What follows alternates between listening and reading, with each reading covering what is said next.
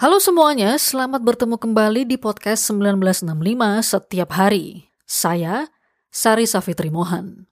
Episode kali ini akan membawa kita ke masa di mana orang-orang Tionghoa berperan besar dalam sejarah pendidikan di Indonesia jauh sebelum bangsa ini mengecap masa kemerdekaan. Episode kali ini adalah kerjasama antara 1965 setiap hari dengan Institut Sejarah Sosial Indonesia – atau ISI. ISI adalah sebuah organisasi non-profit beranggotakan sejarawan Indonesia yang telah melakukan serangkaian riset sejarah lisan, di antaranya adalah sejarah Indonesia di tahun 6566. Sebelum kita mendengarkan cerita dari dua narasumber tentang sekolah Tionghoa ini, saya dan rekan saya Rangga Purbaya berbincang dengan peneliti isi yang mewawancarai dua narasumber tersebut. Ia adalah Grace Leksana yang saat ini adalah dosen sejarah di Universitas Negeri Malang. Halo Grace dan Rangga, apa kabar? ini asik banget nih. Hari ini ada Grace Leksana dan ada Rangga Purbaya. Oh, mungkin bisa dijelaskan siapakah narasumber yang akan kita dengarkan kali ini? Sebenarnya ada banyak wawancara lain ya, tapi karena uh, memilih yang paling relevan dan juga mempertimbangkan waktu, aku uh, di sini nanti akan ada dua orang yang akan uh, kita dengar. Yang pertama adalah Cheong Tiam Xiong. Dia adalah seorang guru uh, di sekolah Tionghoa dan dia mengalami tiga zaman yang berbeda ya. Jadi ketika sekolah Tionghoa ini di Jakarta, ketika sekolah Tionghoa di Jakarta itu di zaman Jepang uh, masih bernama Pacung ya, masih nama sekolahannya dan uh, juga pada awal masa kemerdekaan masih dengan nama Tionghoanya Pacung. Lalu kemudian uh, setelah peraturan Dwi Kewarganegaraan tersebut tahun 58 berubah menjadi namanya sebenarnya bukan berubah sih, dia terpecah menjadi dua ya dan Pak Ciong ini kemudian mengajar di sekolah yang khusus untuk WNI yaitu Yayasan Pendidikan dan Pengajaran atau YPP, dikenal dengan nama sekolah YPP. Dan dia juga mengajar, masih mengajar ketika sekolah itu beralih menjadi SMA 19 SMA Negeri 19 di Jakarta ketika masa Orde Baru. Nah, eh, lalu kedua kita akan mendengar Ibu Susana Gunawan. Dia adalah eh, murid sekolah Tionghoa di Jakarta yang ayahnya itu sebenarnya juga eh, seorang anggota Baperki atau Badan Perumusan Kewarganegaraan Indonesia yang sempat dilarang setelah 65 karena dituduh berafiliasi dengan uh, PKI begitu. Hmm. Terus kenapa wawancara ini dilakukan, Grace? Nah, uh, ini sebenarnya bagian dari proyek riset tadi kan riset sejarah lisan yang dilakukan oleh ISI. Dan sebenarnya saya waktu itu tidak sendirian. Kami berdua, saya dan Andre Lim waktu itu yang kita keliling-keliling gitu ya di Jakarta, juga di Malang sama di Solo untuk uh, mewawancara orang-orang yang pernah mengajar dan pernah uh, bersekolah di sekolah-sekolah Tionghoa. Nah, awalnya itu sebenarnya kita masih berpikirnya ini kita mau menggali cerita tentang perampasan ya, perampasan sekolah-sekolah Tionghoa di 65. Tapi setelah kita wawancara gitu ya, setelah kami wawancara ngobrol dengan banyak orang, ternyata sebenarnya sekolah-sekolah Tionghoa ini mencerminkan persoalan yang lebih besar gitu, persoalan mendasar khususnya tentang uh, kewarganegaraan. Oke. Okay. Nah, ini kalau dari nuansa isi yang disampaikan uh, Pak Ciong, aku juga udah sempat mendengarkan gitu. Itu terdengar bahwa bersekolah tinggi bahkan sampai ke luar negeri itu di zaman itu tuh bukan sebuah khayalan yang terlalu jauh gitu ya. Ini masih bisa dicapai meski ya butuh ongkos yang besar juga gitu ya. Tapi ngomongin sekolah ke luar negeri itu tampak terdengar sebagai sebuah hasrat belajar yang tinggi. Bukan hmm. untuk sekedar nambahin gelar bergengsi gitu. Berbeda dengan sekarang di Indonesia yang sekolah di dalam negeri aja pun sulit gitu. Padahal kalau dibandingkan dengan masa-masanya Pak Ciong ya tahun-tahun itu, uh, itu kan masa penuh ketidakpastian gitu ya dan banyak kesulitan secara ekonomi hmm. juga. Nah, menurutmu Grace, kenapa pemikiran maju bervisi jauh ke depan itu sudah jamak ada di zaman itu? Sebenarnya orientasi mereka ke luar negeri itu juga dipengaruhi dengan orientasi kultural dan identitas mereka ya. Karena di sekolah Tionghoa yang diajar oleh Pak Ciong ini memang pada awalnya itu rata-rata muridnya itu boleh dibilang misalnya uh, murid murid WNA sebenarnya. Jadi uh, orientasi keluarga-keluarga ini memang masih sangat uh, apa mengarah pada Tiongkok gitu. Politik mereka mengikuti politik Tiongkok mereka mengikuti perkembangannya juga perkembangan-perkembangan keilmuannya begitu ya. Dan negara-negara lain yang sangat berkaitan erat dengan Tiongkok gitu. Jadi uh, orientasi mereka makanya ke sana. Dan ini yang juga nanti akan kita dengar dari ceritanya Pak Chong pelajaran-pelajaran yang disiapkan atau bagaimana sekolah itu mengelola kurikulumnya itu sebenarnya sangat disesuaikan dengan kebutuhan anak-anak itu gitu. Jadi kalau mereka orientasinya keluar maka disiapkanlah bahasa Mandarin bahasa Inggris gitu. Uh, untuk uh, apa mempersiapkan anak-anak ini untuk bisa melanjutkan sekolah keluar.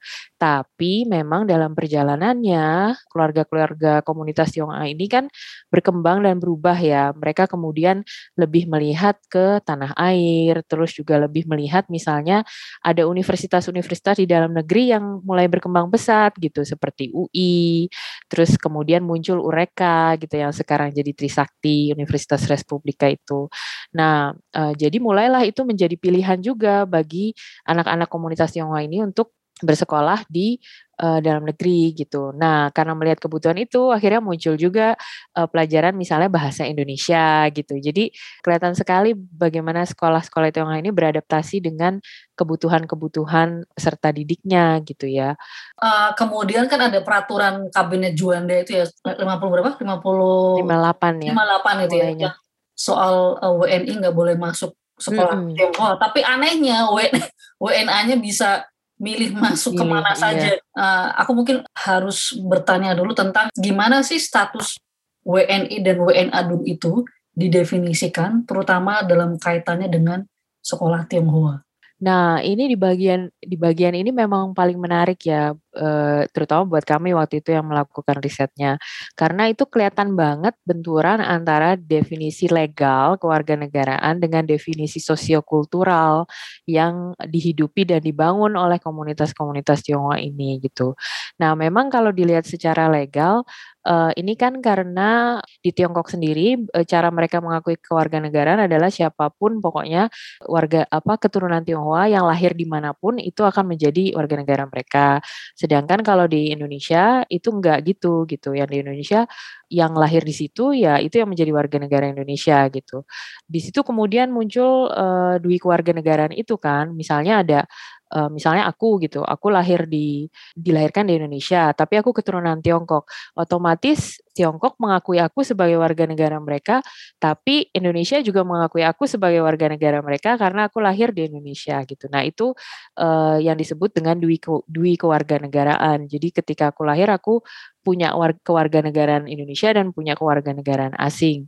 Nah, itu yang coba dibenahi dengan uh, peraturan di kewarganegaraan di tahun 58 oleh uh, kabinet Juanda itu gitu. Supaya uh, ya udah yang yang asing ya harus milih dong, nggak bisa gitu, nggak bisa double-double gitu. Yang asing harus uh, asing, yang Indonesia harus Indonesia. Sesimpel itu gitu kerangka legalnya.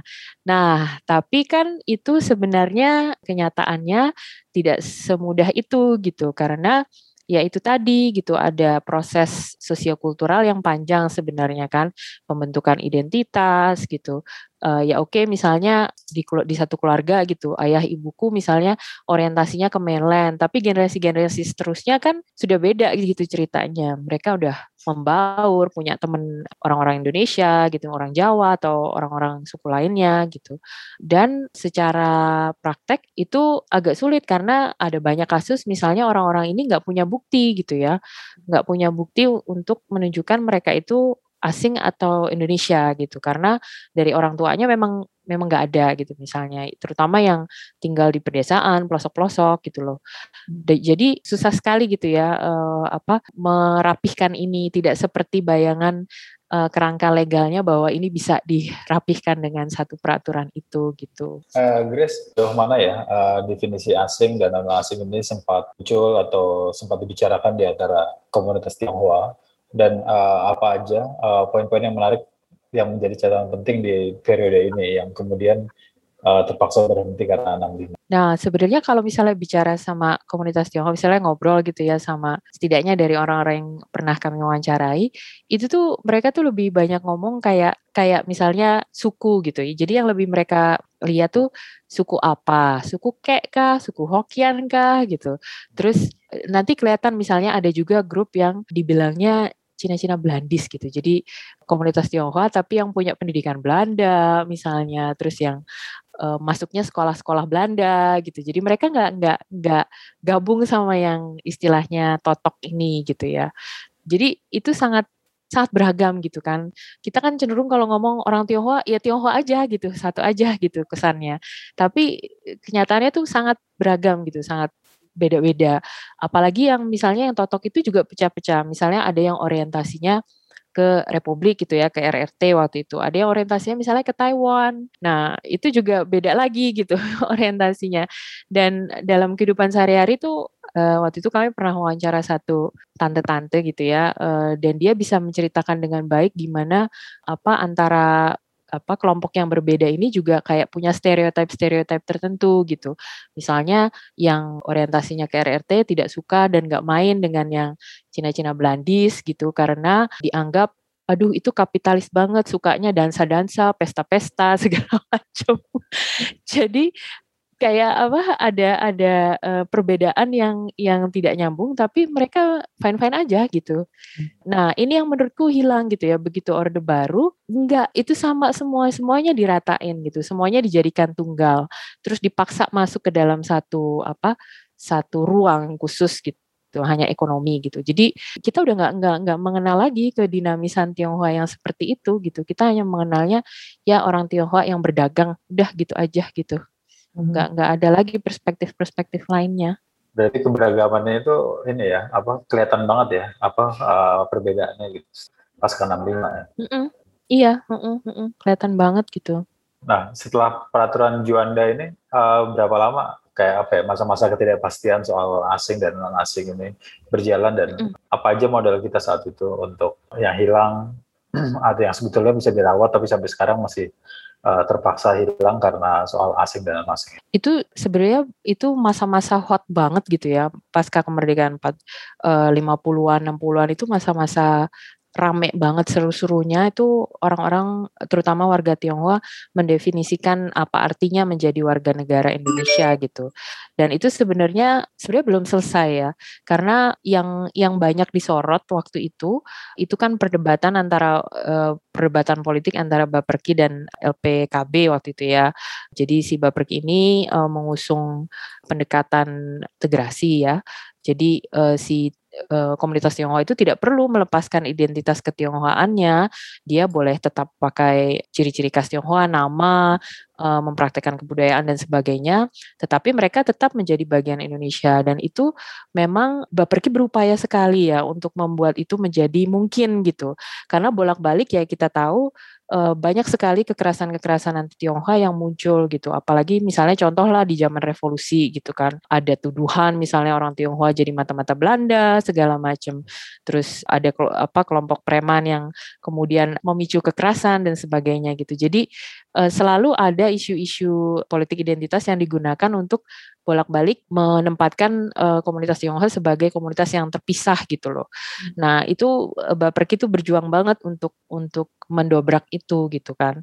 Nah sedangkan si LPKB ini pengennya ya uh, asimilasi total gitu, harus ya udah meninggalkanlah identitas ketionghoaannya dan harus jadi Indonesia sepenuhnya termasuk mengganti nama dan sebagainya itu dan di bawah itu sebenarnya ya kalau kalau waktu kita waktu kita ngobrol dengan orang-orang yang kita wawancara mereka mereka aware gitu ya mereka uh, memahami ada ada perdebatan seperti ini. Tapi kalau uh, bicara tentang keseharian mereka gitu, itu itu sangat tergantung konteksnya. Misalnya kayak di Malang itu ya biasa aja kok gitu. Malahan misalnya ketika masa revolusi uh, ada seorang Tionghoa yang tokonya dijarah oleh kelompok orang pemuda atas nama perjuangan, uh, itu tidak membuat dia marah gitu ya terhadap perjuangan Indonesia, tapi dia dengan sadar bilang kalau namanya perjuangan pasti nggak bakalan kayak gitu gitu.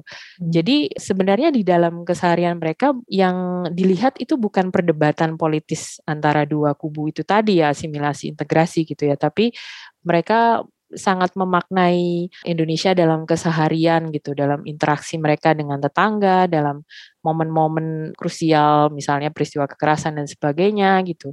Itu uh, kelihatan sekali bagaimana mereka memaknai Indonesia gitu ya, apa menjadi apa artinya menjadi merdeka, apa artinya menjadi Indonesia gitu. Kayak nanti misalnya di wawancara dengan Pak Chong, itu kan kelihatan sekali begitu dipecah, begitu peraturan Dewi Keluarga Negara itu diberlakukan, yang WNI kan harus sekolah di sekolah WNI, yang WNA harus sekolah di sekolah WNA gitu kan sekolah itu tidak tidak menelantarkan salah satunya gitu, tapi mengurus kedua-duanya gitu. Yang uh, makanya didirikan Yayasan Pendidikan dan Pengajaran untuk menampung mas uh, siswa-siswa yang WNI ini gitu. Jadi kan ya nggak usah jauh-jauh lah berdebat soal politik asimilasi integrasi, tapi gimana sih caranya mengurus gitu iya, iya. orang-orang yeah, yeah. ini gitu. Itu kelihatan kelihatan banget gitu dari dari situlah sebenarnya uh, apa kita bisa lihat gitu bagaimana uh, orang-orang Tionghoa ini memformulasikan kewarganegaraan melalui tindakan-tindakan konkret mereka gitu. Nah, ini yang terus ya begitu 65 hilang zoom gitu. Kayak seolah-olah tuh sama sekali nggak ada nggak ada kontribusi nggak ada hal apa pun yang bisa kita pelajari dari bagaimana kelompok dan komunitas Tionghoa ini membantu merumuskan atau apa menciptakan kebangsaan gitu ya. Itu ya hilang aja gitu. Nguap kayak nggak berbekas. Ya itu sangat sangat sangat amat disayangkan sekali. Uh, by the way apa yang Grace temukan di lapangan yang menarik untuk dijadikan catatan lanjutan soal sekolah Tionghoa ini selain seperti yang tadi sudah Grace sampaikan? Aduh banyak banget ya sebenarnya. Tapi mungkin yang yang paling kerasa itu ya, yang paling kerasa sebenarnya tuh dulu tuh memang simpel banget ya kurikulumnya itu. Jadi kurikulumnya pelajarannya itu benar-benar dibuat sesuai kebutuhan anak-anak gitu. Anaknya mau apa, mau jadi apa setelah selesai sekolah mau ke mana. Nah makanya terus mereka bikin kurikulumnya sesuai itu. Kalau sekarang kan enggak ya. sekarang tuh semuanya Iya, terus kurikulum tuh jadi politis, jadi yeah. proyeknya negara gitu. Ya malahan jadi kayaknya siswanya itu dibentuk-bentuk gitu, dibentuk-bentuk sesuai proyeknya negara itu gitu. Hmm. Kalau dulu kan kayaknya kebalikan gitu ya, siswanya mau ngapain, mau ke mana, nah itu yang terus apa dibangun gitu sama sekolah ini. Ini sekarang kebalik gitu. Terus kalau dulu kayaknya kalau dengar nanti dengar ceritanya Pak Jong itu kan uh, kayaknya hubungannya agak egaliter gitu ya antara guru dan murid gitu ya. Mereka bisa dan mereka menghormati gitu guru karena karena mereka berterima kasih gitu ya berhutang budi atas pelajarannya segala macam. Terus kan di Orde Baru tuh berubah ya jadi sangat militer gitu. Yeah. Iya. Maksudnya mendidiknya itu mendidiknya itu alat tara gitu, kedisiplinan yang yang apa obsesi gitu, yeah. yang terobsesi. Yang hierarkis sekali ya. Ya hierarkis, berjarak, hierarkis gitu-gitu ya. Jadi sangat feodal juga. Ya buat buat kita sih waktu itu yang menarik ketika dengerin pengalaman-pengalaman uh, orang-orang yang uh, mengajar dan uh, sekolah di sana sih dua itu yang paling paling kontras ya, paling kelihatan kontras gitu.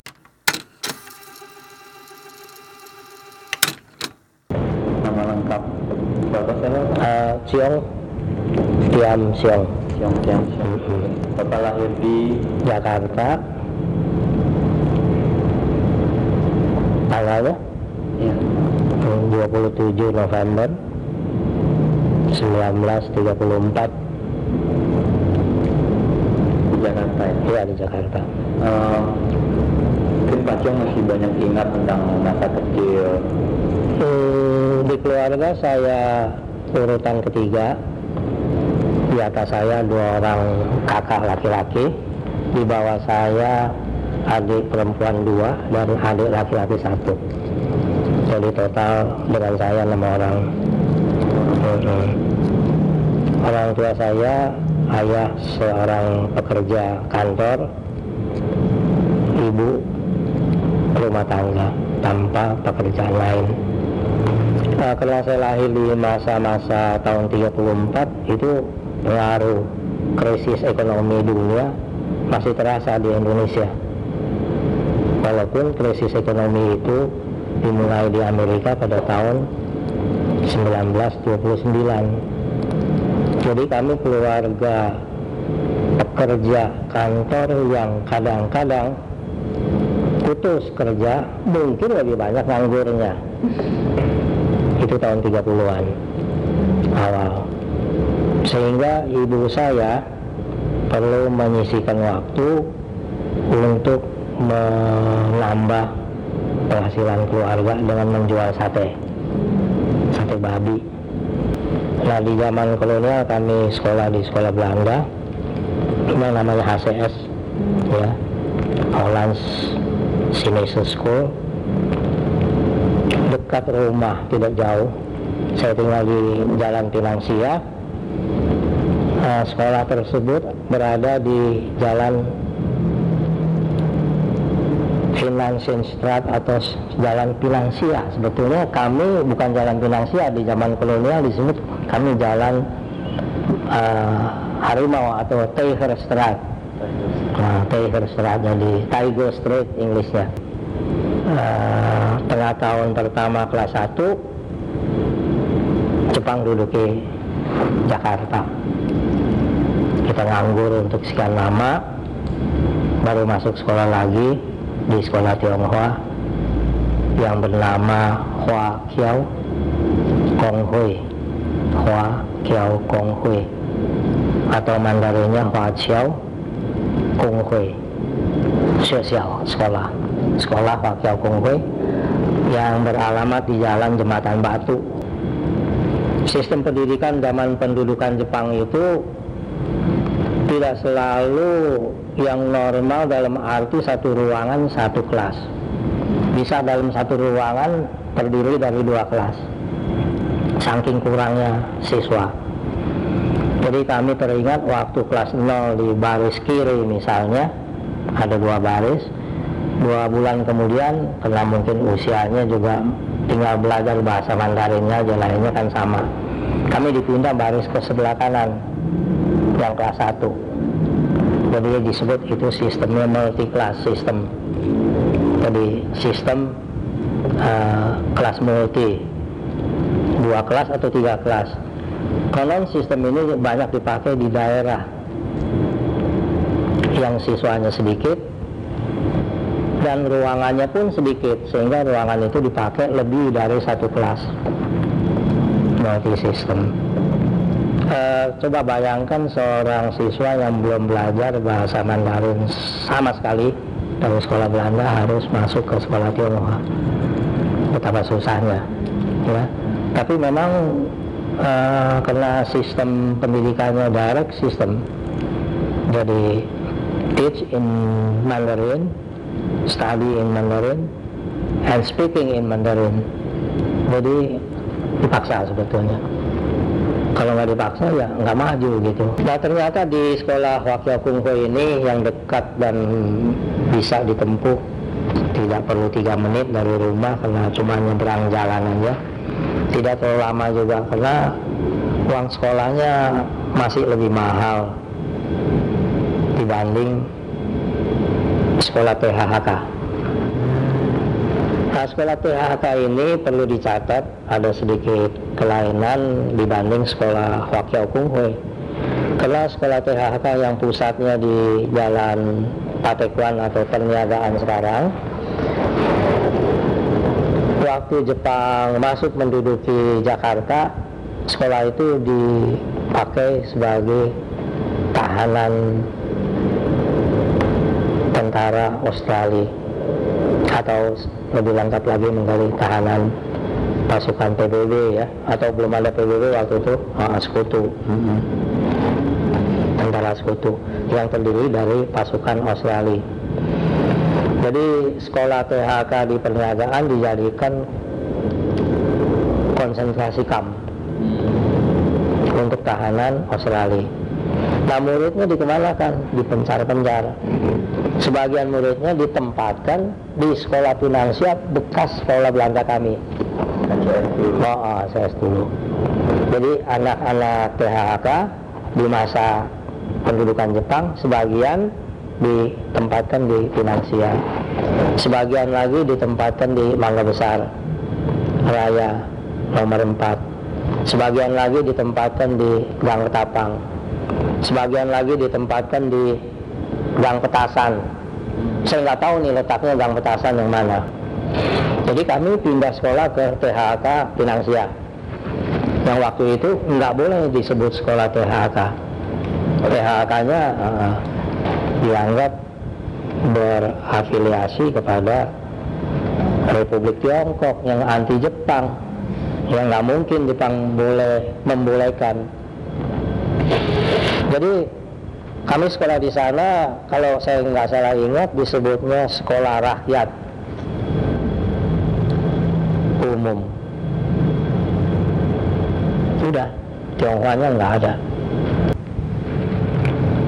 Menurut catatan kami yang memberanikan diri untuk minta izin supaya sekolah dibuka kembali antara lain mantan sekolah kepala sekolah kepala sekolah PHK tentu sebelum perang kedua. Hmm. dan salah seorang bestir yang namanya Tan Bun Seng. Tan Bun Seng. Tercatat sebagai anggota bestir atau anggota pimpinan yayasan PHK seorang lagi guru PHK yang bernama Liok Chubeng jadi Bapak Liok ini lulusan Tokyo University. Mungkin juga saya duga uh, ber apa berlatar belakang alumni Jepang inilah mungkin si Jepang gampang kan untuk berizin. Tapi itu pun nggak sekali dengarnya. Berkali-kali setelah mohon dengan alis, alasan kalau tuan-tuan kira-kira ini saya rekayasa aja. Kalau tuan-tuan membiarkan ini anak-anak nggak sekolah keamanan nggak lebih baik dari sekarang. Lebih baik anak ini ditampung. Konon kempetanya mau mengerti mungkin dengan bahasa Jepangnya Pak Liok ya. Jadi lebih ada lebih mudah mengadakan pendekatan dibuka lagi tahun 42an awal. Ya uh, uh, tutupnya dari Maret tahun 41 udah ditutup. Ya untuk berapa bulan lah nggak terlalu lama. Mungkin akhir 41 juga. Kami belum ada catatan yang yang pasti ini. Nanti kita cari lagi catatannya. Dengarnya sih berkali-kali diminta izin baru diberikan. Uh, tapi kita memang harus berikan salut kepada tiga orang yang berani ini. Uh, sedikit catatan lebih jauh, justru kena keakraban tiga orang ini dengan peng, penguasa Jepang. Dengan itu maka waktu Jepang takluk nggak lama, saya nggak tahu sebab apa sejumlah siswa THK sempat mencap tiga orang ini sebagai pengkhianat di zaman pendudukan Jepang pasti pendidikan militer yang bisa dicatat antara lain. Uh, kita diharuskan setia kepada Tenoheka. Itu setiap pagi harus menghadap ke timur laut. Dan harus belajar atau latihan baris berbaris. Dan harus mengikuti pendidikan fisik yang disebut kalau sekarang senam dulu disebutnya taiso. Kalau yang udah di atas 3 atau 14 ke atas itu harus mengikuti pendidikan senendan jadi pendidikan zaman pendidikan Jepang ini nggak heran harus dan pasti dan wajar uh, berwarnakan militeristik ya uh, disiplinnya juga keras uh, dan perlu ditekankan. Kami diharuskan belajar bahasa Jepang. Nah di pendidikan Jepang ini tadi saya katakan dia kena diblokir ekonominya.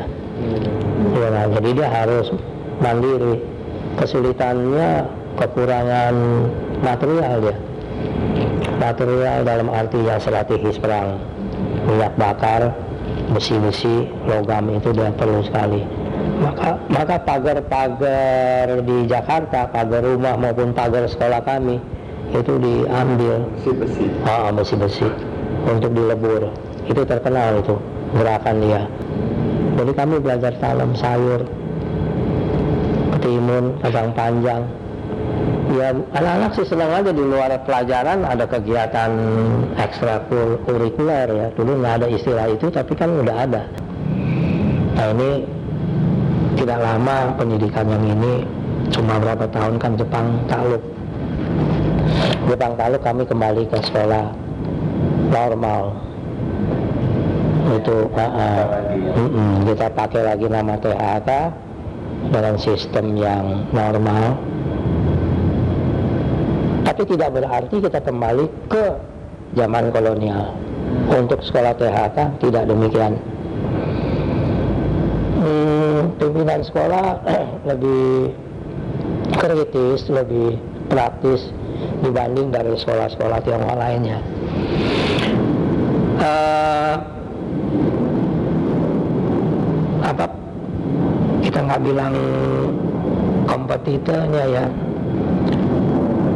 kita katakanlah sekolah Chunghua Chungse yang lahir di tahun 39 cuma boleh buka SD sama dengan THK begitu Jepang takluk dia juga dibolehkan lagi sekolah menengah SMP dan SMA dari tahun 45 bulan Oktober tanggal 25 itu berdiri lagi sekolah yang baru. Ini sama sekali baru yang berdiri di tahun 45 bulan Oktober tanggal 25 ini kita kenal namanya Lien Chung eh, yang dia gabung itu sekolah-sekolah yang tidak memiliki sekolah menengah.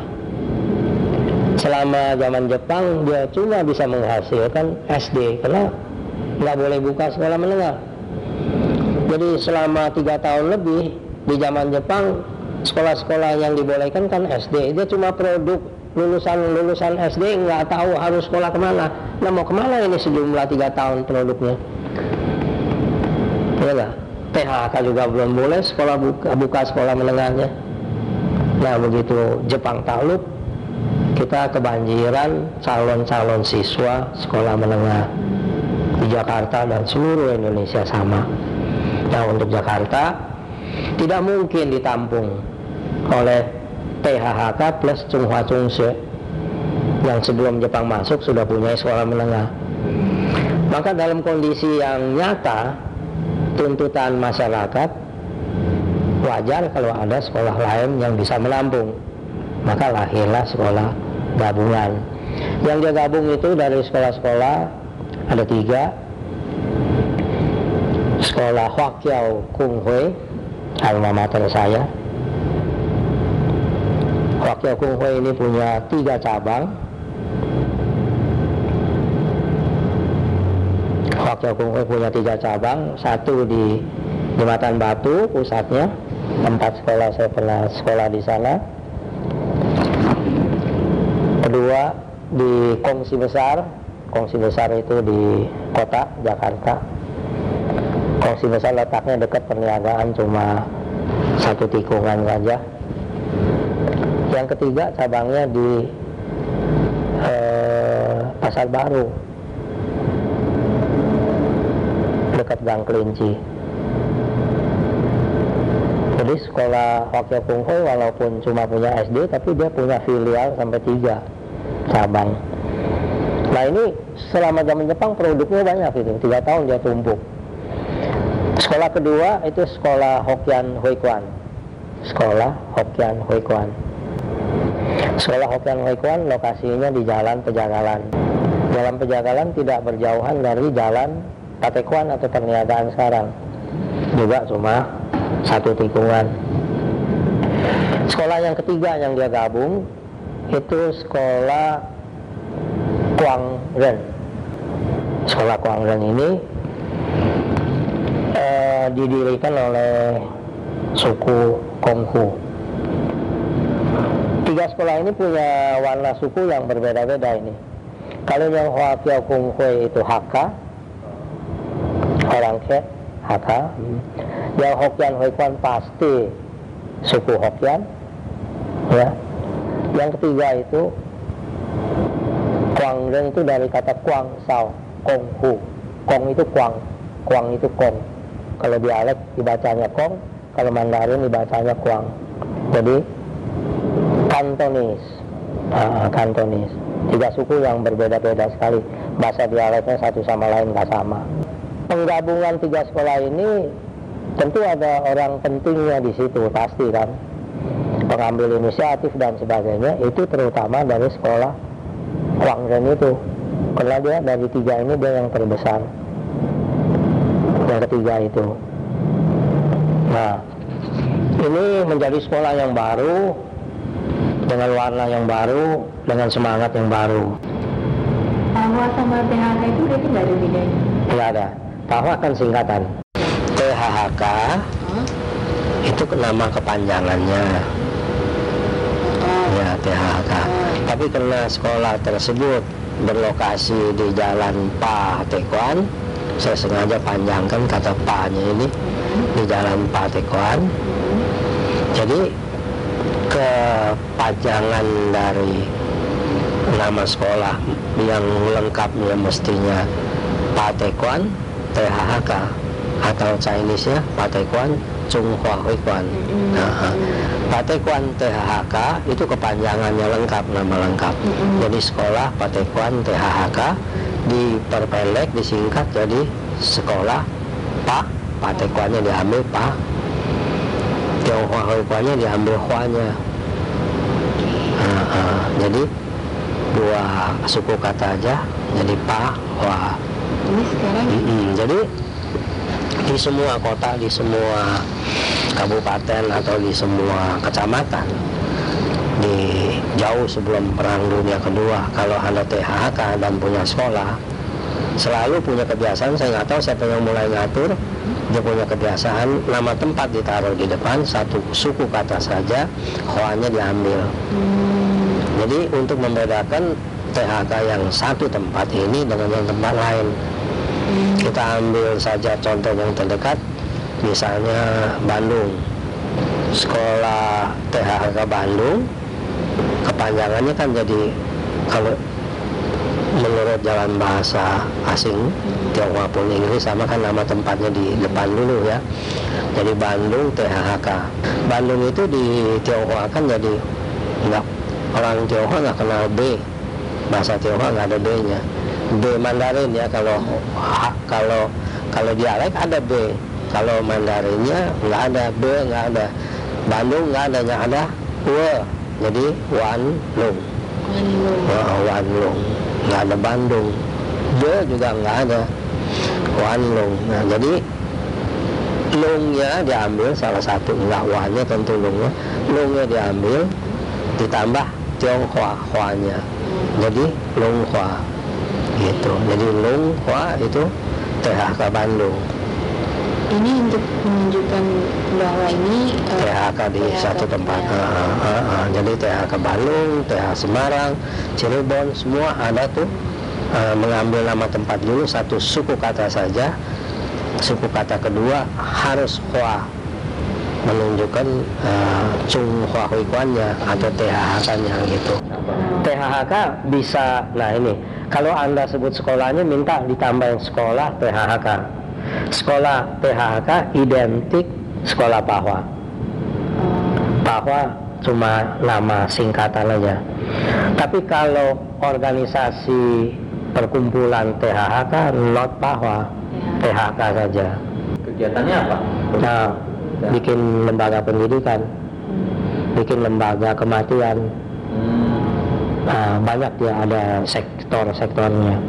Karena berdirinya THK ini mau meluruskan kata kebiasaan yang berlebihan untuk ngurus kematian, mau disimplify oleh orang-orang yang idealis yang dirikan THK. Karena pendiri-pendirinya kebenaran dapat didikan-didikan yang modern gitu. Dengan itu mungkin pendiri THK beranggapan bisa mempersatukan semua klan. Jadi tata kerama kematian yang dijadikan inceran paling pertama, kedua soal perkawinan.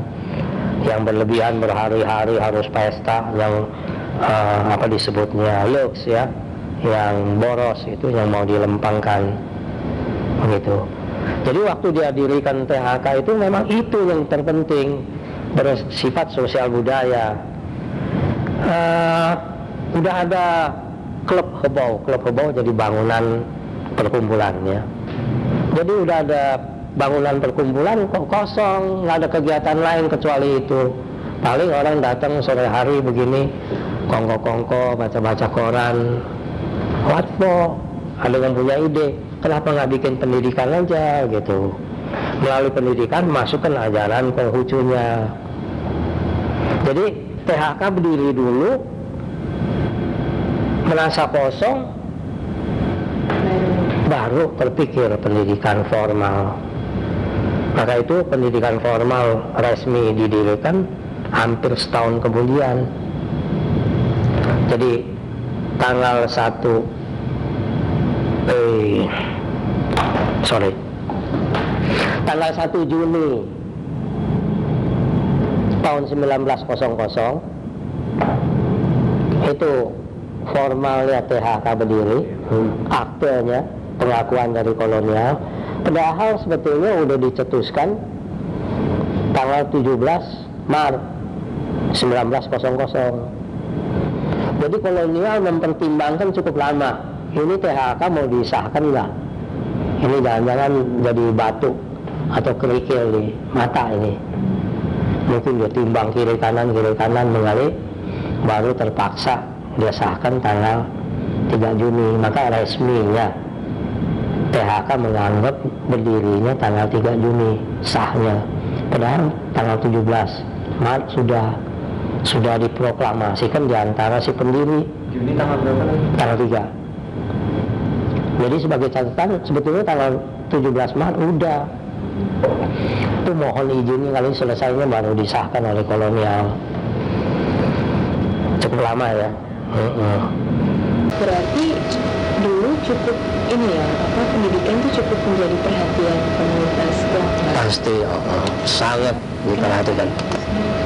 Eh, kalau di tahun 1900 aja udah merasa perlu pendidikan apalagi 1939 karena 1939 itu kan kalau kita lihat latar belakang politik atau perang itu kan eh, China lagi diserang Jepang. Mm-mm. jadi eh, guru yang came from China ini pasti dia pro. Chinese and China and Chinese government. Anti Jepang pasti dong ya nggak? Nah sekarang yang peranakan di Indonesia ini nggak nggak dekat sama China mainland. Nah, lagi pula sebagaimana dari lahir sekolah THK ini kan multikultural. Nggak nggak mono ya multi. Jadi yang dapat pendidikan barat juga nggak sedikit. Baik di level pimpinan maupun di di level guru-guru gitu. Sehingga waktu bermasalah atau pengaruh perang di sana sampai ke wilayah Nusantara kita ini ada pendapat-pendapat yang nggak sama. Mm-mm. nah guru-guru plus muridnya yang simpati kepada perang anti Jepang mengadakan ini latar belakang sekolah itu lahir ya mengadakan gerakan berbahasa Mandarin untuk menunjukkan nasionalisnya. Uh, itu berbahasa Mandarin. Kalau kita sekarang di Indonesia kalau memang masih ada berbahasa lah bahasa Indonesia yang baik dan benar gitu kira-kira. Tentu juga mereka begitu kira-kira waktu itu. Dan kalau yang tadi Pak Syum bilang itu kalau PHK lebih terbuka. iya betul. Mm-mm, dia lebih palinnya dari awal didirikan dia lebih ke China mainland kalau kita nih ada yang ke Singapura ada yang ke London ada yang ke Hong Kong ada yang ke USA kecuali ke China. Kalau pra perang dunia kedua kita THK biasa mengundang guru dari luar negeri antara lain dari lulusan Amerika, Singapura atau London uh, alumni sana termasuk dari mainland kontrak guru kontrakan nah selama Jepang nggak mungkin kan diblokir. Ya, perhubungan mati. Baru merdeka juga masih ada kesulitan. Kita nggak mungkin. Padahal tenaga pengajar yang berpengalaman yang berijazah itu sudah pindah ke sekolah yang baru berdiri. Mungkin cari apa uh, pembayaran yang lebih baik. Itu wajar lah SDM yang kurang biaya yang kurang pengembangannya juga terbatas.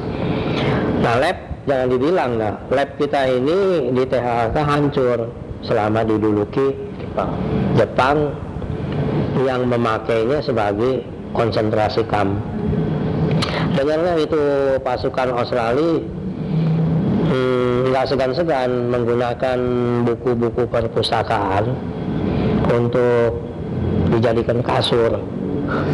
Daripada tidur di lantai yang lembab. Bahkan ada buku-buku Chinese yang old style yang kertasnya tipis. Mirip kertas rokok. iya lebih dari itu tipisnya. Halus tipis. Itu dipakai buat mulung rokok sama dia. Hancur.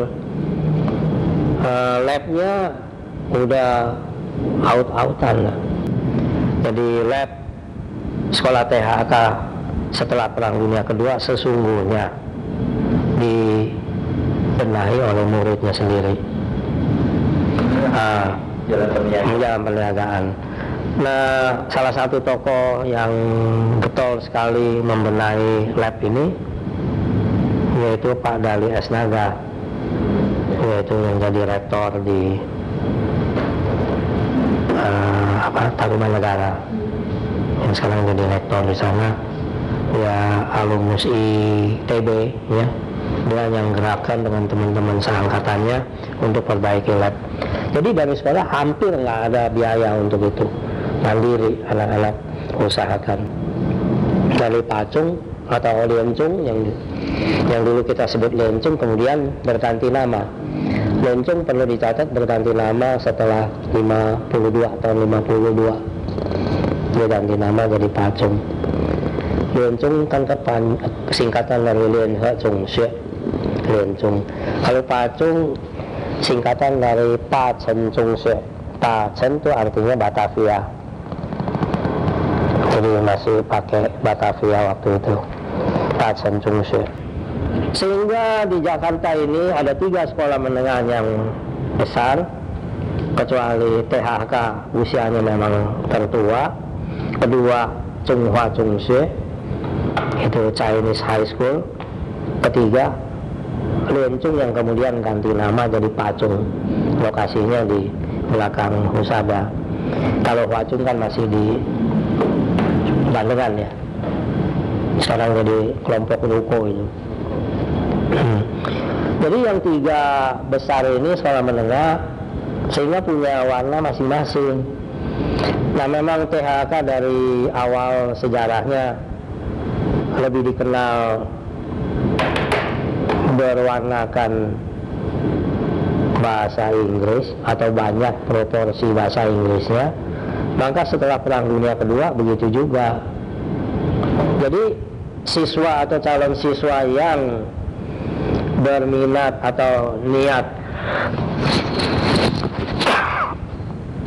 sekolah lebih banyak dapat bahasa asing Inggris ya dia pilih ke PHHK nggak pilih ke Pacung atau Pacung itu Lencung atau Lencung atau Pacung. Karena pengantarnya Mandarin. Hmm, karena pengantarnya Mandarin. Sedang di PHK walaupun resminya setelah perang dunia kedua memang masih satu status sekolah Tionghoa ada kelas-kelas yang memang sudah langsung diberikan dalam pelajaran bahasa Inggris sebagai bahasa pengantar terutama untuk pelajaran bahasa Inggris. Jadi dari tahun 45an sampai tahun 48 sekolah THK kita anggap itu peralihan dari versi zaman kolonial ke zaman republik ya zaman uh, Indonesia masih campur aduk bahasa yang dipakai. Uh, tahun 48 udah mulai jernih. Anak disilahkan pilih. Mulai tahun 48 bagi anak yang memilih jurusan ilmu alam dan fisika itu terutama diberikan dalam bahasa Indonesia. Karena akan diarahkan ke sekolah tinggi setempat. Maka pilihan pertamanya adalah sekolah tinggi setempat. Tentu tidak lain waktu itu hanya ke UI banyak satu-satunya sekolah di Jakarta waktu itu. Belum ada sekolah swasta lain ya. Jadi 48 katakanlah ini titik perubahan dari eh, kiblat ke luar menjadi kiblat ke dalam negeri. Tapi tidak berbareng. Dari tahun 48 baru jurusan satu itu. Yang paspal pasti alam atau fisika kimia. Nah mereka tujukan terutama dua sekolah tinggi aja. UI Fakultas Kedokteran dan ITB Sekolah Teknik Bandung nah itu baru diakui pertama resmi kita ikuti ujian masuk atau ujian bersama atau ujian negeri SMA itu tahun 54 51 ke 54 peralihan untuk jurusan lain dari sekolah asing Tionghoa atau yang berkiblat ke barat menjadi berkiblat ke dalam negeri. Mm-hmm. Nah, jadi tahun 54 sebagai sekolah satu-satunya yang diakui oleh pemerintah sebagai SMA setara dengan SMA negeri begitu. Bukan ekstra lagi. Eh, bersamaan tahun 54 itu untuk memenuhi sebagian siswa yang mau meneruskan ke sekolah tinggi di mainland di Tiongkok. Maka dibuka satu jurusan disebutnya sekolah menengah atas jurusan Chinese University. Jadi sekolah menengah atas mulai tahun 54 yang diarahkan ke university lokal atau ke university Chinese Chinese University. Dengan kurikulum yang disesuaikan ke masing-masing. Nah, itu kan yang mau meneruskan sekolah. Kalau yang nggak mau meneruskan sekolah gimana? Mau berkarya, mau bekerja, maka dibuka satu jurusan yang disebut jurusan bisnis atau business course. Nah, jurusan bisnis ini sesuai dengan namanya kurikulumnya diberikan pelajaran-pelajaran yang praktis yang bisa digunakan dalam pekerjaan. Jadi kesimpulannya bisa dikatakan sampai tahun 54 sekolah THK sudah mulai jernih mengambil pangsa kalau ini kita anggap produk barang pangsa satu local university dua Chinese university tiga local business course nah business course ini kita sediakan untuk uh, mensuplai tenaga kerja ke bidang perusahaan-perusahaan baik perbankan asuransi perusahaan dagang, industri dan sebagainya. Hmm. Dan tahun ini namanya masih THK? Masih THK. Statusnya juga masih status foreign school, sekolah menengah atau sekolah berikut SD-nya, sekolah asing Tionghoa di bawah bendera THK. Hmm. Nah, status itu baru timbul goncangan setelah ada peraturan dari pemerintah Republik yang dipimpin oleh Insinyur Juanda sebagai Perdana Menteri yang uh, yang melarang siswa WNI atau siswa yang tidak bisa menunjukkan bukti kalau dia itu asing dia harus mengikuti sekolah nasional sekolah nasional yaitu sekolah Indonesia. Nah itu baru mulai dilaksanakan peraturan itu awal tahun 58 peraturannya sendiri dikeluarkan sekitar Mei atau Juli saya nggak tahu tuh pastinya. Kami udah dengar uh, sekitar menjelang November. Maka untuk ini istilah ini kita pakai untuk mengantisipasi untuk menanggapi perkembangan yang akan datang waktu itu tentu kita bilang akan datang perkembangan yang mendatang bagaimana anak-anak WNI yang asal THHK ini mau dikemanakan? Siapa yang nampung? Kalau bukan diurus sendiri maka pimpinan THK sadar kewajibannya. Tiada lain harus kita sendiri yang mengatasinya. Maka PHK dengan sikap yang cepat membagi dua pengurusnya. Satu tetap di THK satu rombongan lagi membangun yayasan yang baru. Uh, uh, yayasan Y ejaan nama uh, pendidikan dan pengajaran. Tapi satu satu gedung. Satu gedung, satu naungan. Uh, kebijakan yang diambil oleh kedua badan ini, baik yayasan yang disebut YPP maupun THHK, mereka komit uh, murid THHK yang WNI implisit otomatis ya dengan sendirinya menjadi murid YPP tanpa membuat register baru pindah daftar gitu enggak otomatis. Di announce saja gitu diproklamasikan semua murid THK yang WNI yang SMA mulai dari SMA bukan dari SD bukan dari SMP dari SMA menjadi murid YPP maka di dalam sejarah pendidikan mungkin pasti perlu dicatat walaupun nggak menonjol. Sekolah satu-satunya yang memulai muridnya dari SMA yaitu YPP nggak punya SD dan yang nggak punya SMP dan SD tapi kalau orang terima warisan. Nah gedung kena eh, pelaksanaan peraturan eh, apa kabinet Juanda itu harus dilakukan tanggal 1 Januari bulan eh, tahun 58 maka 1 Januari 58 anak-anak siswa yang WNA dari THHK sudah tidak mungkin lagi belajar di jalan perniagaan maupun di cabangnya yang di Mangga Besar. Mereka ditarik keluar, dipindahkan ke Jalan Belandongan yang sebelumnya dipakai SD filial dari Pacen Sungshe.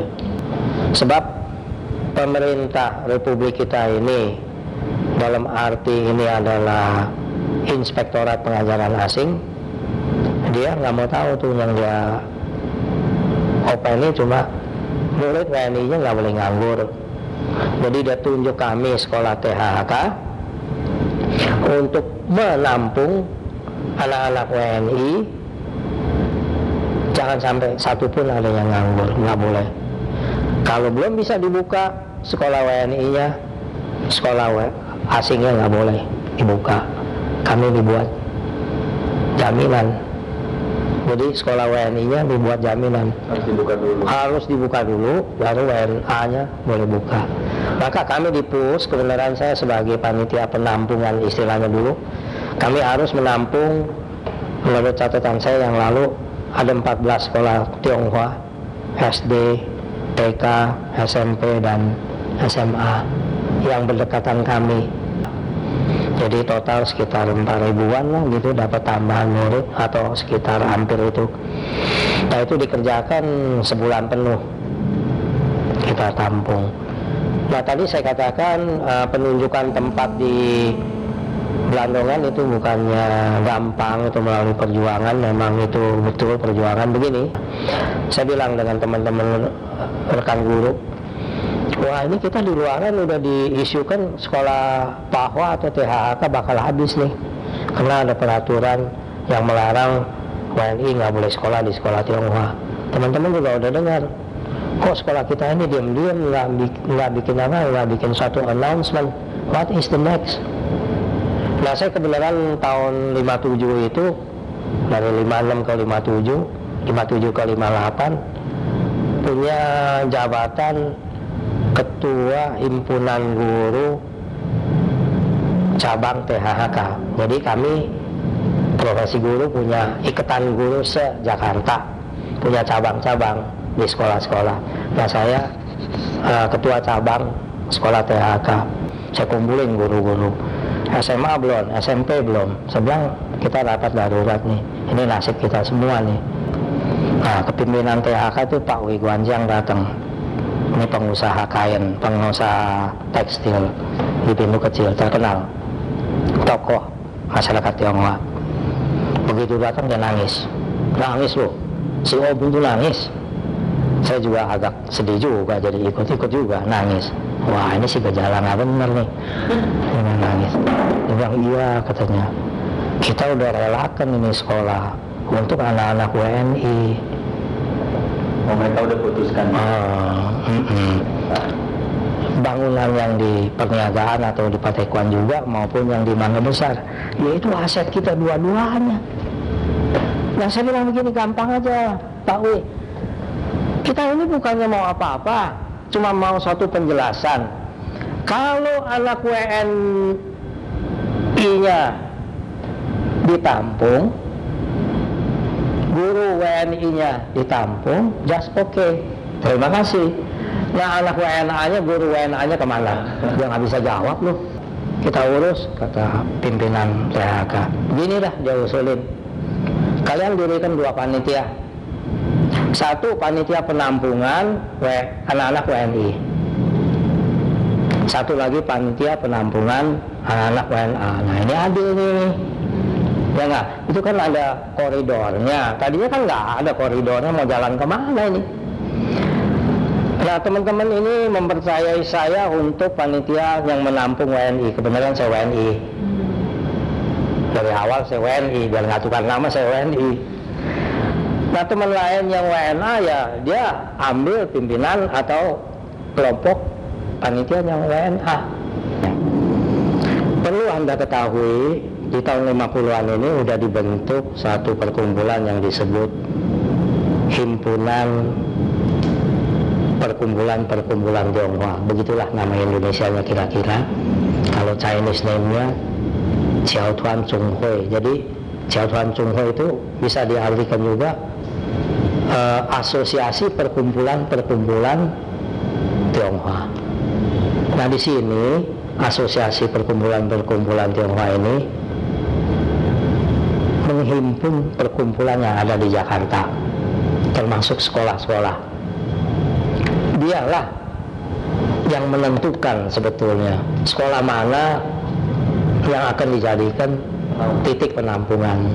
Jadi sebenarnya uh, pelarangan WNI sekolah di WNA di sekolah hmm, dia larang sekolah dia nggak bilang sekolah Cina sekolah asing pinter dia jadi jangan lupa sekolah Belanda yang masih ada juga diwajibkan menerima WNA jadi kalau you WNA nggak peduli Arab atau Tionghoa atau Belanda atau Inggris boleh masuk ke sekolah asing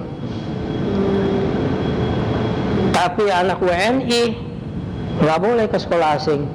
Nah sekarang anak sekolah asing masuk ke sekolah WNI boleh nggak? Boleh. Maka saya berteriak waktu itu. Saya bilang kalau gitu WNI lebih dijamin dong haknya daripada WN, eh, WNA lebih dijamin dong daripada WNI. Nggak terbalik tuh Republik kita. Boleh masuk. Boleh. Jadi anak yang sekolah asing, eh, anak WNA itu boleh masuk ke YPP dan itu ada ada hmm, ada Kawis dia suka pelajarannya boleh nah saya bilang ini nggak terbalik nih republik kita ini. Kok warganya nggak dibela? Sebaliknya fasilitas yang ada diberikan untuk orang asing. Ini suara kita mana didengar waktu itu? Orang militer kok nentuin tuh? Militer. Itu peraturannya? Militer melalui pemerintah sipil. Alasannya apa? Dia bilang banyak guru yang nggak mengajarkan pendidikan nasional yang nasionalisme kepada warga negara Indonesia. Habis dia ngajarnya eh dia belajarnya di sekolah Tiongkok kok. Gitu. Hal ini saya masih kemukakan sekarang sama ketua inti. Anda pernah dengar inti? Ya ketua umumnya kan Pak Edi Lembong. Pernah dengar nama ini? Sekarang ini iya Edi Lembong. Pak Edi Lembong benar kan tuh? Peraturan itu saya bilang saya nggak benar kan? Saya berdasarkan Undang-Undang Dasar 45 saya WNI saya berhak masuki pendidikan apa juga. Kalau anda mau anak-anak WNI turunan bukan turunan masuk pendidikan nasional. Perbaiki pendidikannya. Beri murah. Masa nggak banjir? Begitu dong saya bilang. Itu tapi Pak Edi Lembong anggap benar peraturan itu. Ya mungkin dianggap jalan tol ya. Saya bilang salah. Saya berdasarkan Undang-Undang Dasar 45 saya konsis sama Undang-Undang Dasar 45 kesimpulannya eh, 58 di sejarah THK setelah itu pure muridnya WNA sebelumnya campur. Tapi memang diam-diam punya kelebihan kita harus catat juga mengkali di THK setelah 58 tidak berarti kita 100% sama dengan Chinese School lain enggak. Kita juga selipkan juga pengajaran bahasa Indonesia dengan pengantar bahasa Indonesia. Itu harus dalam bahasa yang bersangkutan. Itu yang mungkin di sekolah lain nggak ada. Dan untuk mata pelajaran tertentu sedikit-sedikit juga sudah menggunakan bahasa Indonesia. Tadi saya katakan 54 awal pengakuan anak-anak SMA kami yang dianggap setara dengan SMA negeri lain gitu. Kita nggak diperlainkan gitu disamakan. Dulu ngajar apa saya ngajar di SD umum ya biasa kan SD bahasa Mandarin uh, berhitung uh, ilmu pengetahuan alam. Nah, ini perlu dicatat ilmu pengetahuan alam di sekolah Tionghoa pada waktu itu textbooknya satu tapi mencakup ilmu alam yang luas uh, termasuk fisika yang sederhana ya termasuk kosmografi perbintangan ilmu kesehatan ilmu hayat Ah, kimia Ah, jadi ah, natural science ya bahasa Inggrisnya Ah, Mandarinnya 自然学自然itu natural 学 itu science jadi 自然学 itu satu textbook begitu banyak rupanya. Nah memang ada satu textbook itu ada 16 ah, ada 16 bab ya ada 16 16 bab itu dibagi untuk sekian banyak ilmu pengetahuan alam. Saya pilih saya nggak habisin semua. Percuma dengan daya tangkap SD kelas 5 atau kelas 6 saya pilih yang paling dekat dengan kehidupan mereka. Kita waktu G30S juga gitu ah ini kali cuma apa kudeta aja. Nanti pemerintah jalan biasa lagi. Pengaturan politiknya belum dalam di tahun 65 66 terlalu dibuai oleh situasi. Jadi kita salah menghitung lawan. Sebetulnya.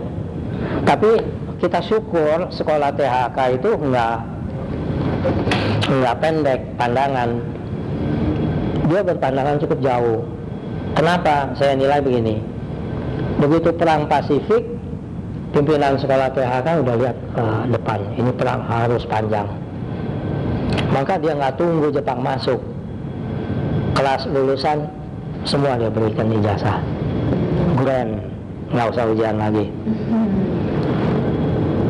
Mana di zaman G30S nggak ada nggak kepikir satupun terlalu dinina bobo kan nggak kepikir padahal lebih mepet. April aja kita masih sekolah. Kan ke Juni udah tinggal berapa bulan kasih aja itu ijazah. Sampai sekarang saya dikomplain anak tuh. Pak saya bilang sekarang aja kita bikin yuk. Nggak ada gunanya Pak. Kenapa nggak ada gunanya? Paling buat tempel di tembok gitu. Kalau waktu itu Bapak kasih saya bisa sekolah katanya mati nggak dikomplain gitu. Kalau mati saya bukan gua yang mimpin sekolah waktu itu.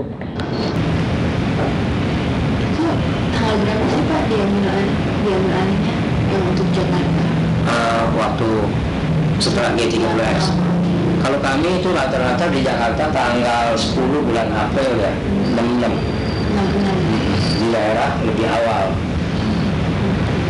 Itu berbareng eh sorry sorry salah. Tanggal 6 bulan April sorry. Bukan 10 tanggal 6 Serentak gitu. iya serentak. Yang datang itu dari Kodam 5 yang masuk. Jadi bukan sipil ya. Membawa tentara. Ini sebelumnya di Jakarta ini ada berita-berita nggak kalau di daerah udah ada? Oh ada. Ada bagaimana sejelek-jeleknya ya nyampe juga nggak kayak sekarang kan cepat elektronik ya. Cepat. Kalau dulu nggak elektronik benar pasti. Terus pas dengar berita-berita itu reaksi yang ya sih semua sama ya. Tapi berbayang nggak berbayang nggak terbayang bahwa itu untuk selamanya. Hmm. umumnya beranggapan menggali cuma sekian waktu. Kan cuma pertukaran pemerintahan. Jadi berarti nah, pertukaran pemerintahan tidak dilihat secara hakiki. Itu radikal kan perubahannya. Bukan sekedar periode ini diganti oleh periode baru bukan. Cung bisa ceritain nggak Pak proses mengambil alihannya itu kayak gimana sih? Eh, kalau saya nggak saksikan langsung yang di itu ya, yang di penyagaan, tapi ada alumni sempat bikin foto yang datang ke penyagaan atau petekwan itu si Sindunata. Hmm. Sindunata masih kapten angkatan laut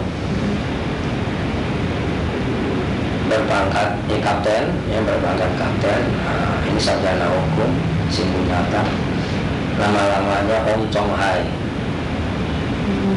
Ong Chong Hai Ong O N G Chongnya masih T Y O N G Hmm.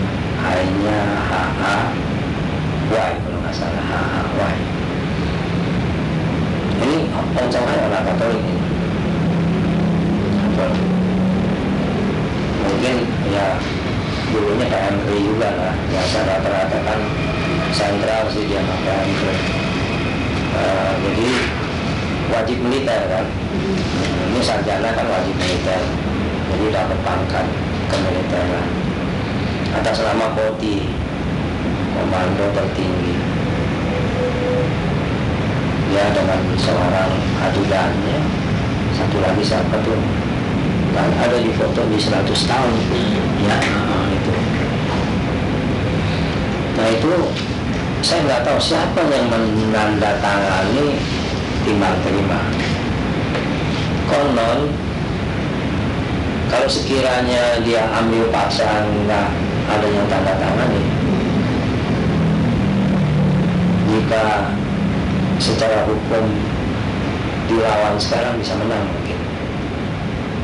Saya waktu 6 April ada di Belandongan Oh, kalau di situ gimana di Bandung waktu itu waktu di Belandongan kodam mas kodam masuk nggak ada nggak ada serah terima tuh Tapi ada datang kodam dia masuk kan jebrok gitu mereka mau dudukin kan enggak, enggak. Dia, lagi ada- dia jadikan kayak ini pos penjagaan gitu. Oh gitu. Ah, dia siklus. Dia hapusan kirim orang terus gitu. Jadi berarti aktivitas pendidikan stop. So, oh, terus Pak Chong di sana sendiri. Ada berapa teman? Guru-guru. Jadi dia dia kita kita dong. Ah, Kayak di perbatasan aja. Ini satuan yang sini, ini satuan yang sini gitu. Di perbatasan kan terjadi sering. Ya kalau di perbatasan eh, apa areal yang tidak bertuan atau gimana kan masing-masing. Kita di misalnya kita di kantor ya di mana gitu. Oh gitu. Waktu ya nggak bertahan terlalu lama juga kondisi yang demikian ada kali sebulan lebih. Mereka dudukin itu. kita berkeliling Oh. kita berhapusan juga Kalau Chong sama teman-teman yang lain di situ itu masih melakukan kegiatan? Ya kayak kita kongko-kongko aja gini. Hmm, Mereka tapi nggak apa-apa. enggak enggak maksa eh kamu keluar enggak juga gitu Waktu Tapi memang satu hal, kita nggak sempat memindahkan barang-barang yang kita anggap perlu kita pindahkan. Itu apa menunjukkan dari pimpinan sekolah, bahkan dari pimpinan kemasyarakatan Tionghoa menganggap ini sifatnya temporer. Ya kan? Nggak seperti, ini paling penting ya, nggak seperti waktu Jepang mau masuk Hmm. waktu Jepang mau masuk udah diukur jauh-jauh hari kapan bagaimana mesti kita mengungsi ke mana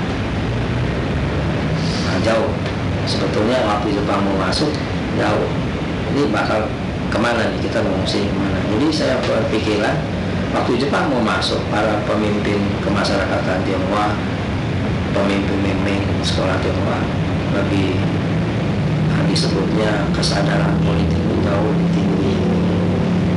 Di tahun 60-an udah terlalu dinambobokan Si Kodam ini datang bawa bawa serus enggak enggak enggak. Nggak bawa enggak. apa datang terus Mm-mm. ngomong Oke, apa? dudukin aja. Tapi apa ya eh, kenapa harus diambil alih? Kan udah bukan asing lagi.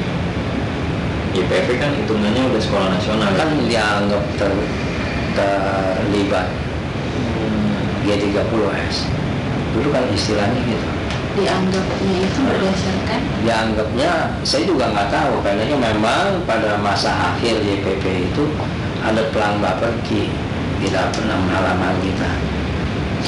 Nah pelang baperki cabang atau cabang pembantu atau apa istilahnya saya nggak tahu saya nggak ingat. Memang ada salah seorang yang disebut jabatannya koordinator sekolah.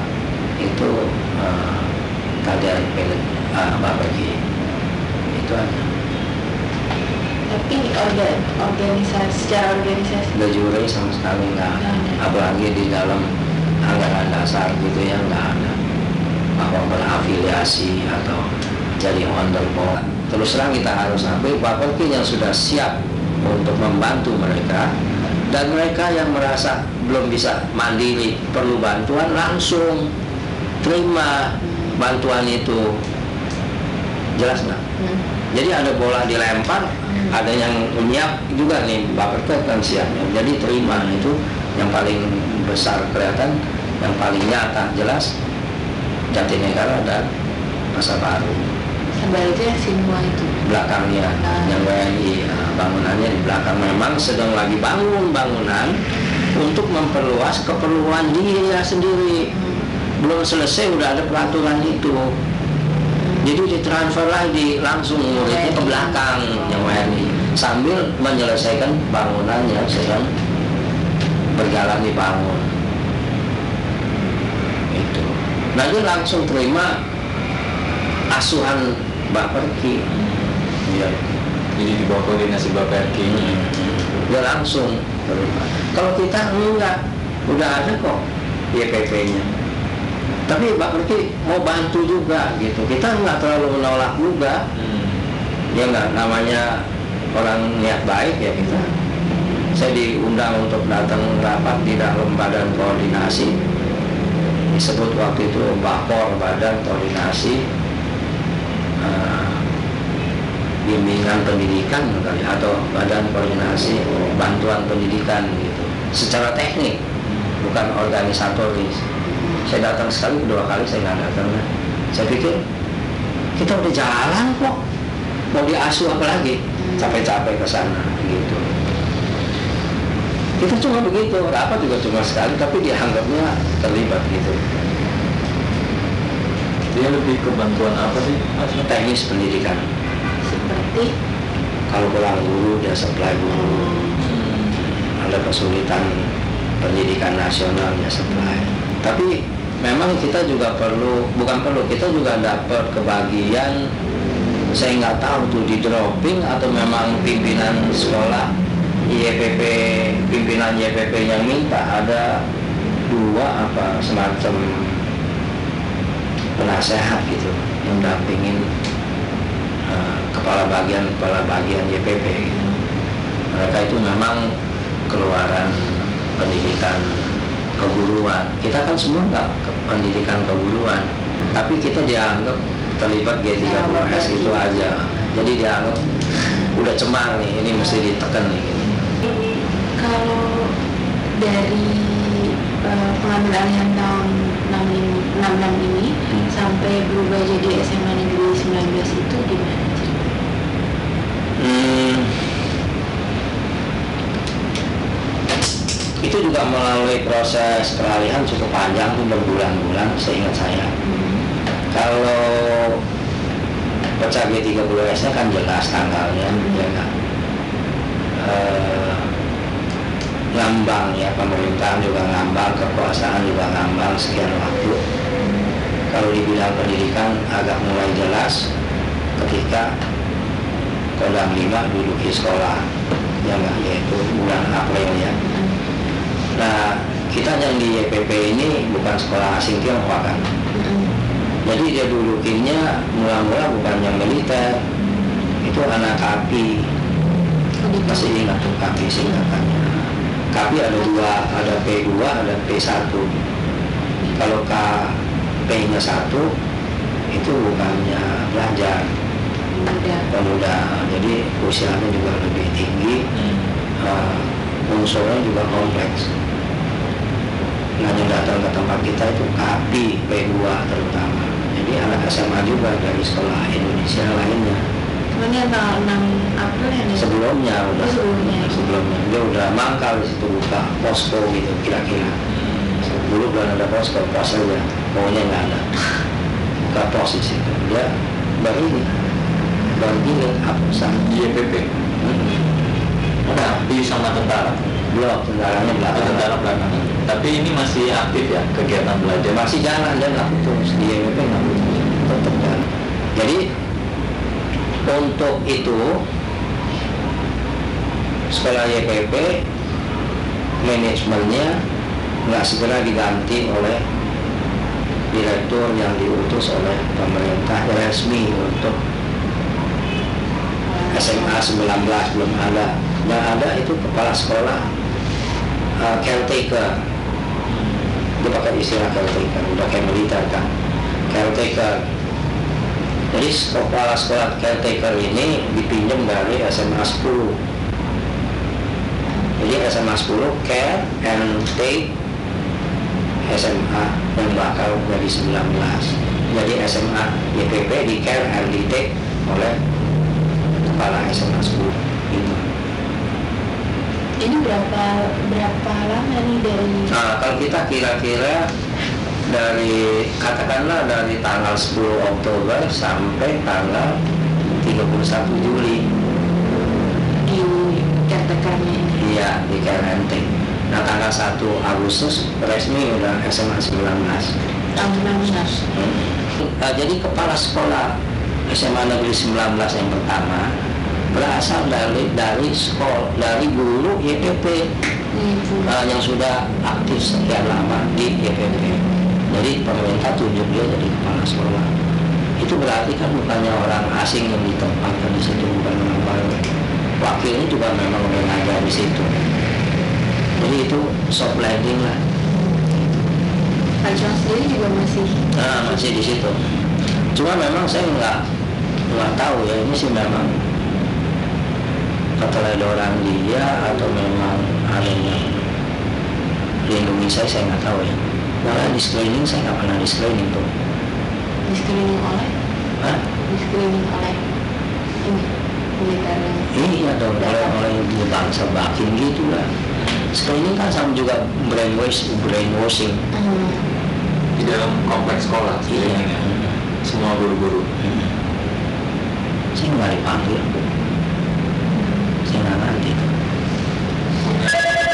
yang dia nggak panggil semua tentu dia pilih kali. Kan udah banyak yang udah banyak yang jadi asal ike nggak sampai putus sekolah nggak terlalu geger gitu ya. Malah lebih geger yang tahun 57 58 Iya. Lebih geger itu. Nah kalau saya di SMA YPP kebanyakan ngajarnya dua mata pelajaran ini menggambar di bagian sosial dan civics jadi saya ngajar di SMA 19 pelajaran gambar udah nggak pakai kurikulum pemerintah sama dulu saya bilang kok ini nggak bisa jalan? Emang mendidik anak-anak untuk di sekolah seni rupa nggak mungkin. Bilang kita belajar yang gampang dah yang bisa kepake kalau dia keluar. Gitu. Soalnya dia aja. Ya udah saya jalan terus sampai tahun 90 ada peraturan dari Departemen Pendaya Gunaan Aparatur Negara. Waktu itu siapa Sutami atau siapa ya yang jadi menteri? Peraturan mengatakan gini guru tetap harus 24 jam per minggunya. Gitu. Jadi saya memang bukan guru tetap dong cuma ngajar satu jam atau dua jam pagi hari juga nggak semua hari seminggu penuh ada kalanya kan cuma 4 jam seminggu ada kalanya 6 jam seminggu. Paling datang tiga hari. Jadi pelajaran menggambar itu dengan saya ada tiga gurunya. Sekolah memang mengharapkan saya. Nggak segera mundur gitu maksudnya. Mau planning sebentar.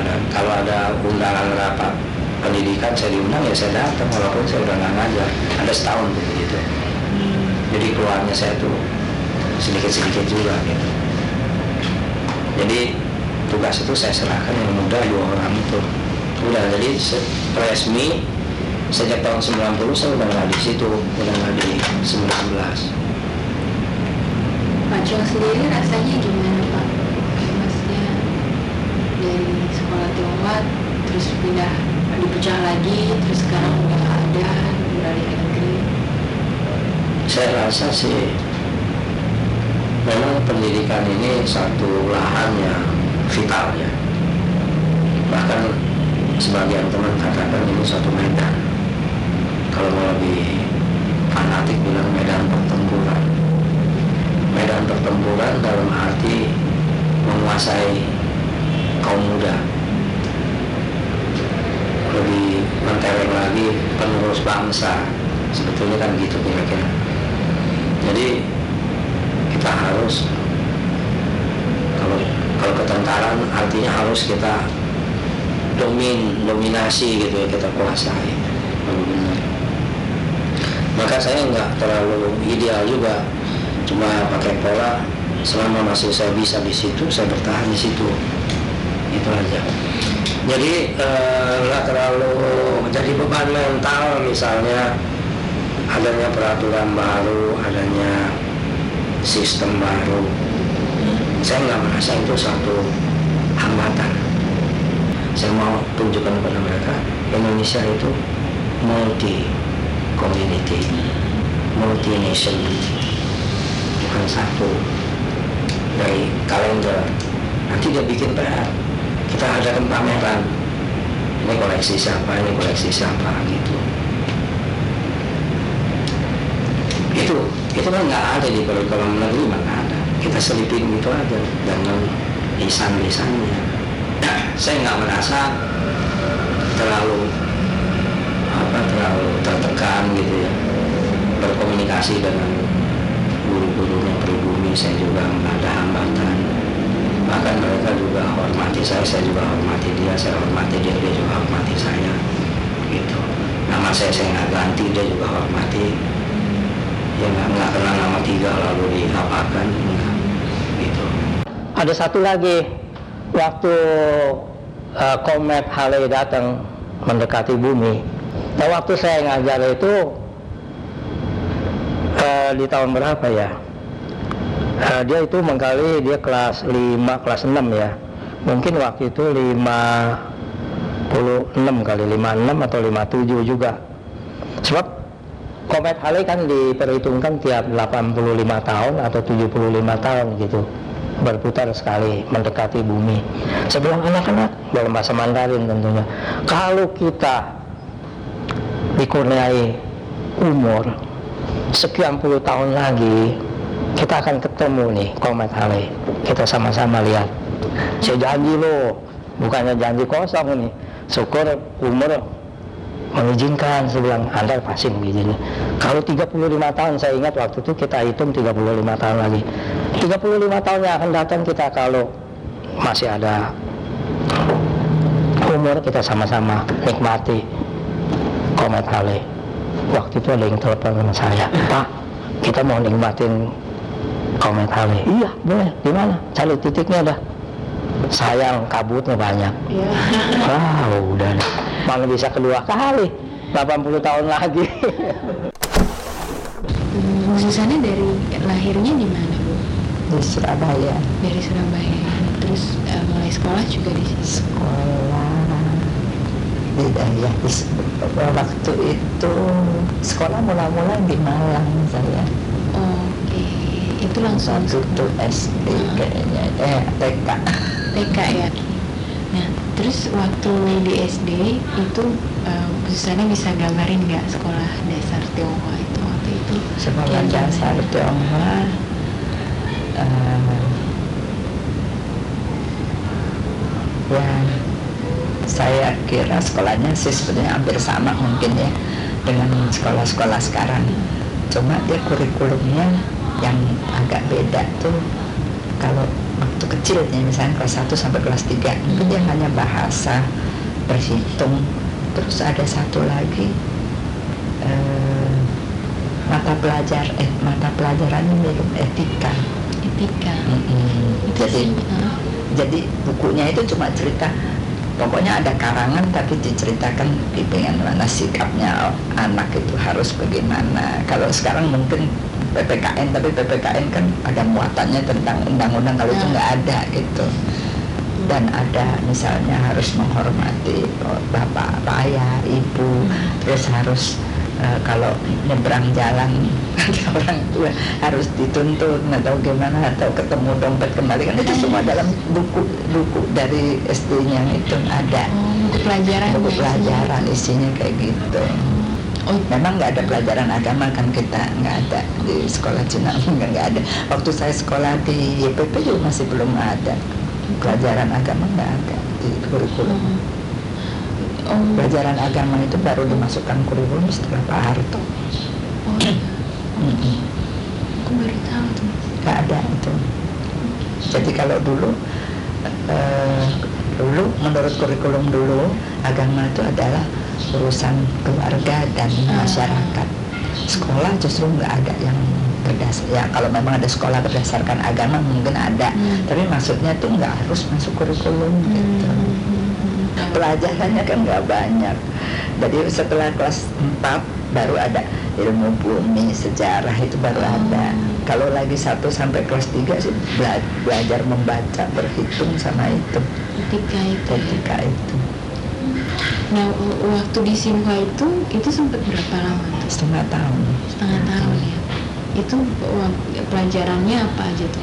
di pelajarannya mah ya ada bahasa Tionghoa, bahasa Indonesia, bahasa Inggris tuh bahasanya ya terus yang itu aljabar Hmm. ya, fisika sama lah Sama. cuma bukunya pakai huruf kotak-kotak gitu Huruf Mandarin. Mandarin. Nah, ketika saya pindah ke sana, hurufnya udah berubah, harus Oh. pakai huruf Melayu. Hmm. Saya saya kira sih gini lah, pendidikan sekolah Tionghoa itu zaman dulu begitu kuatnya menanamkan nasionalisme Tionghoanya sehingga sebagian besar dari mereka memang waktu suruh milih di kewarganegaraan milihnya WNA. Ya.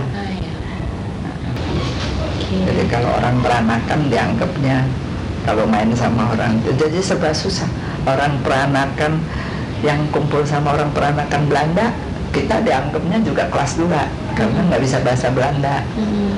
Kalau kita kumpul sama orang per- eh, yang masih WNA kita kelas 2 juga karena dianggapnya setengahnya lu ini bukan orang Tionghoa gitu. Hmm.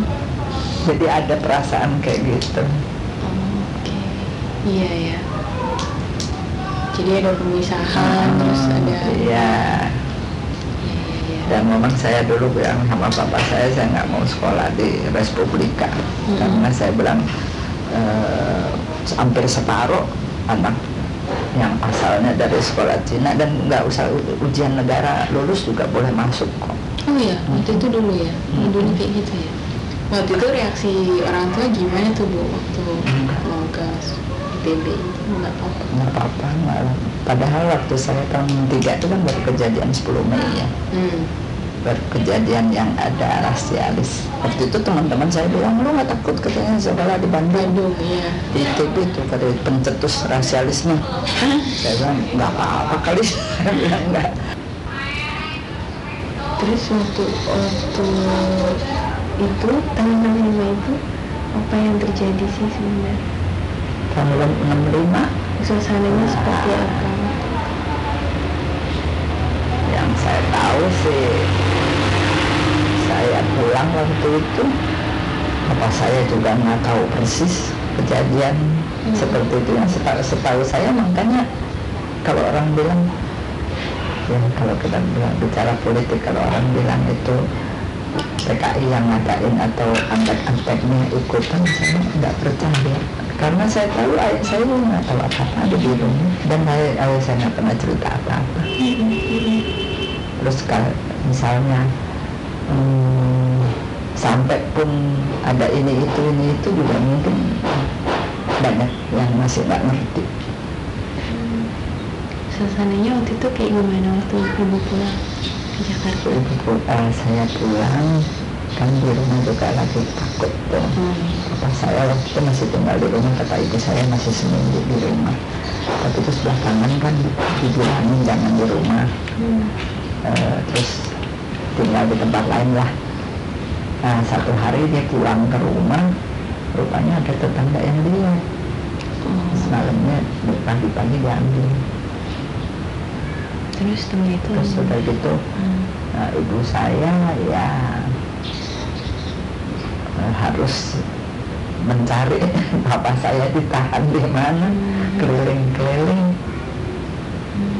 Dan ketika udah tahu juga harus ngirim tiap kali tiap dua hari sekali atau seminggu tiga kali lah gitu. Mesti ngirim makanan dulu anak-anak yang kecil-kecil di rumah masih banyak. Berapa lama ditahannya?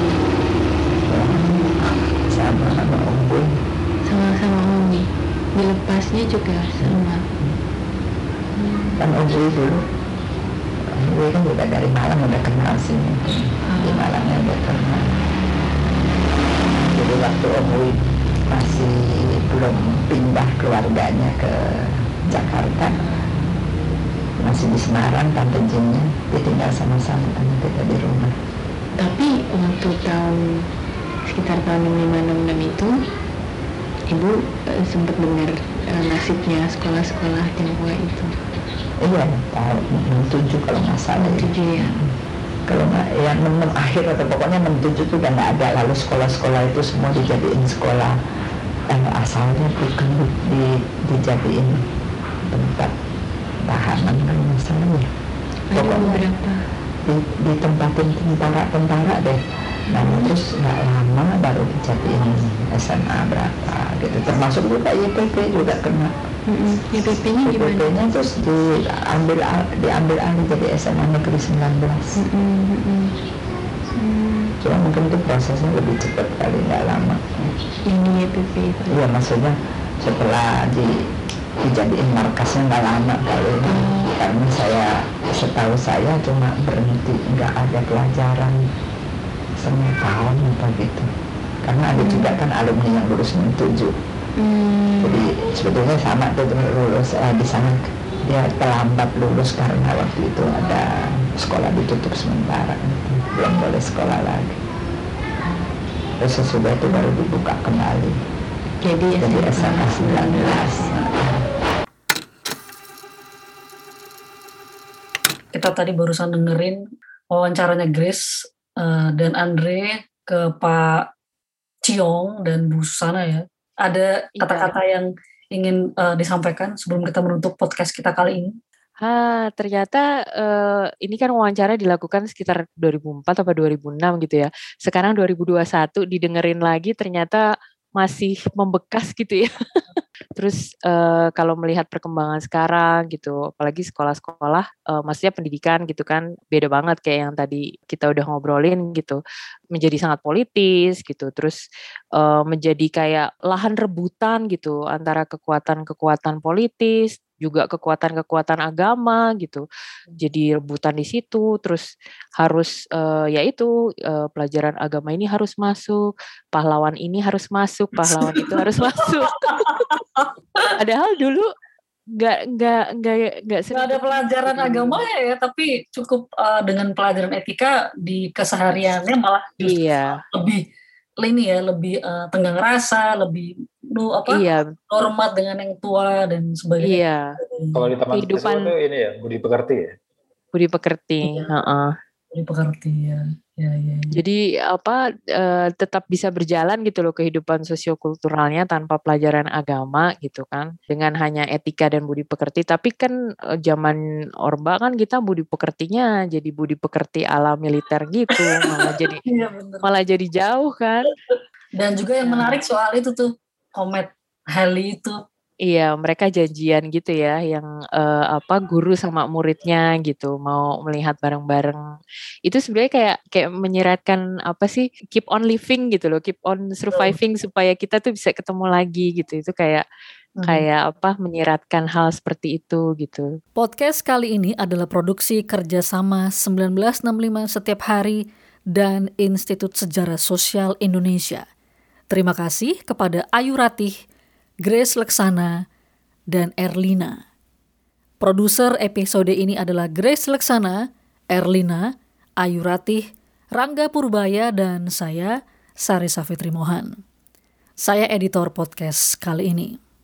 1965 setiap hari adalah Valencia Huta Barat, Kiki Muhtar, Indra Suari Agnes, Mikael Johani, Tintin Mulia, Rangga Purbaya, Ken Setiawan, Sirin Farid Stevi, Wulan Dirgantoro, dan saya, Sari Safitri Mohan. Terima kasih secara khusus kepada Bona Sustama dari agensi 56 untuk jinglenya, Jason Ranti untuk lagu penutup, dan Sirin Farid Stevi untuk desain logo podcast 1965 setiap hari.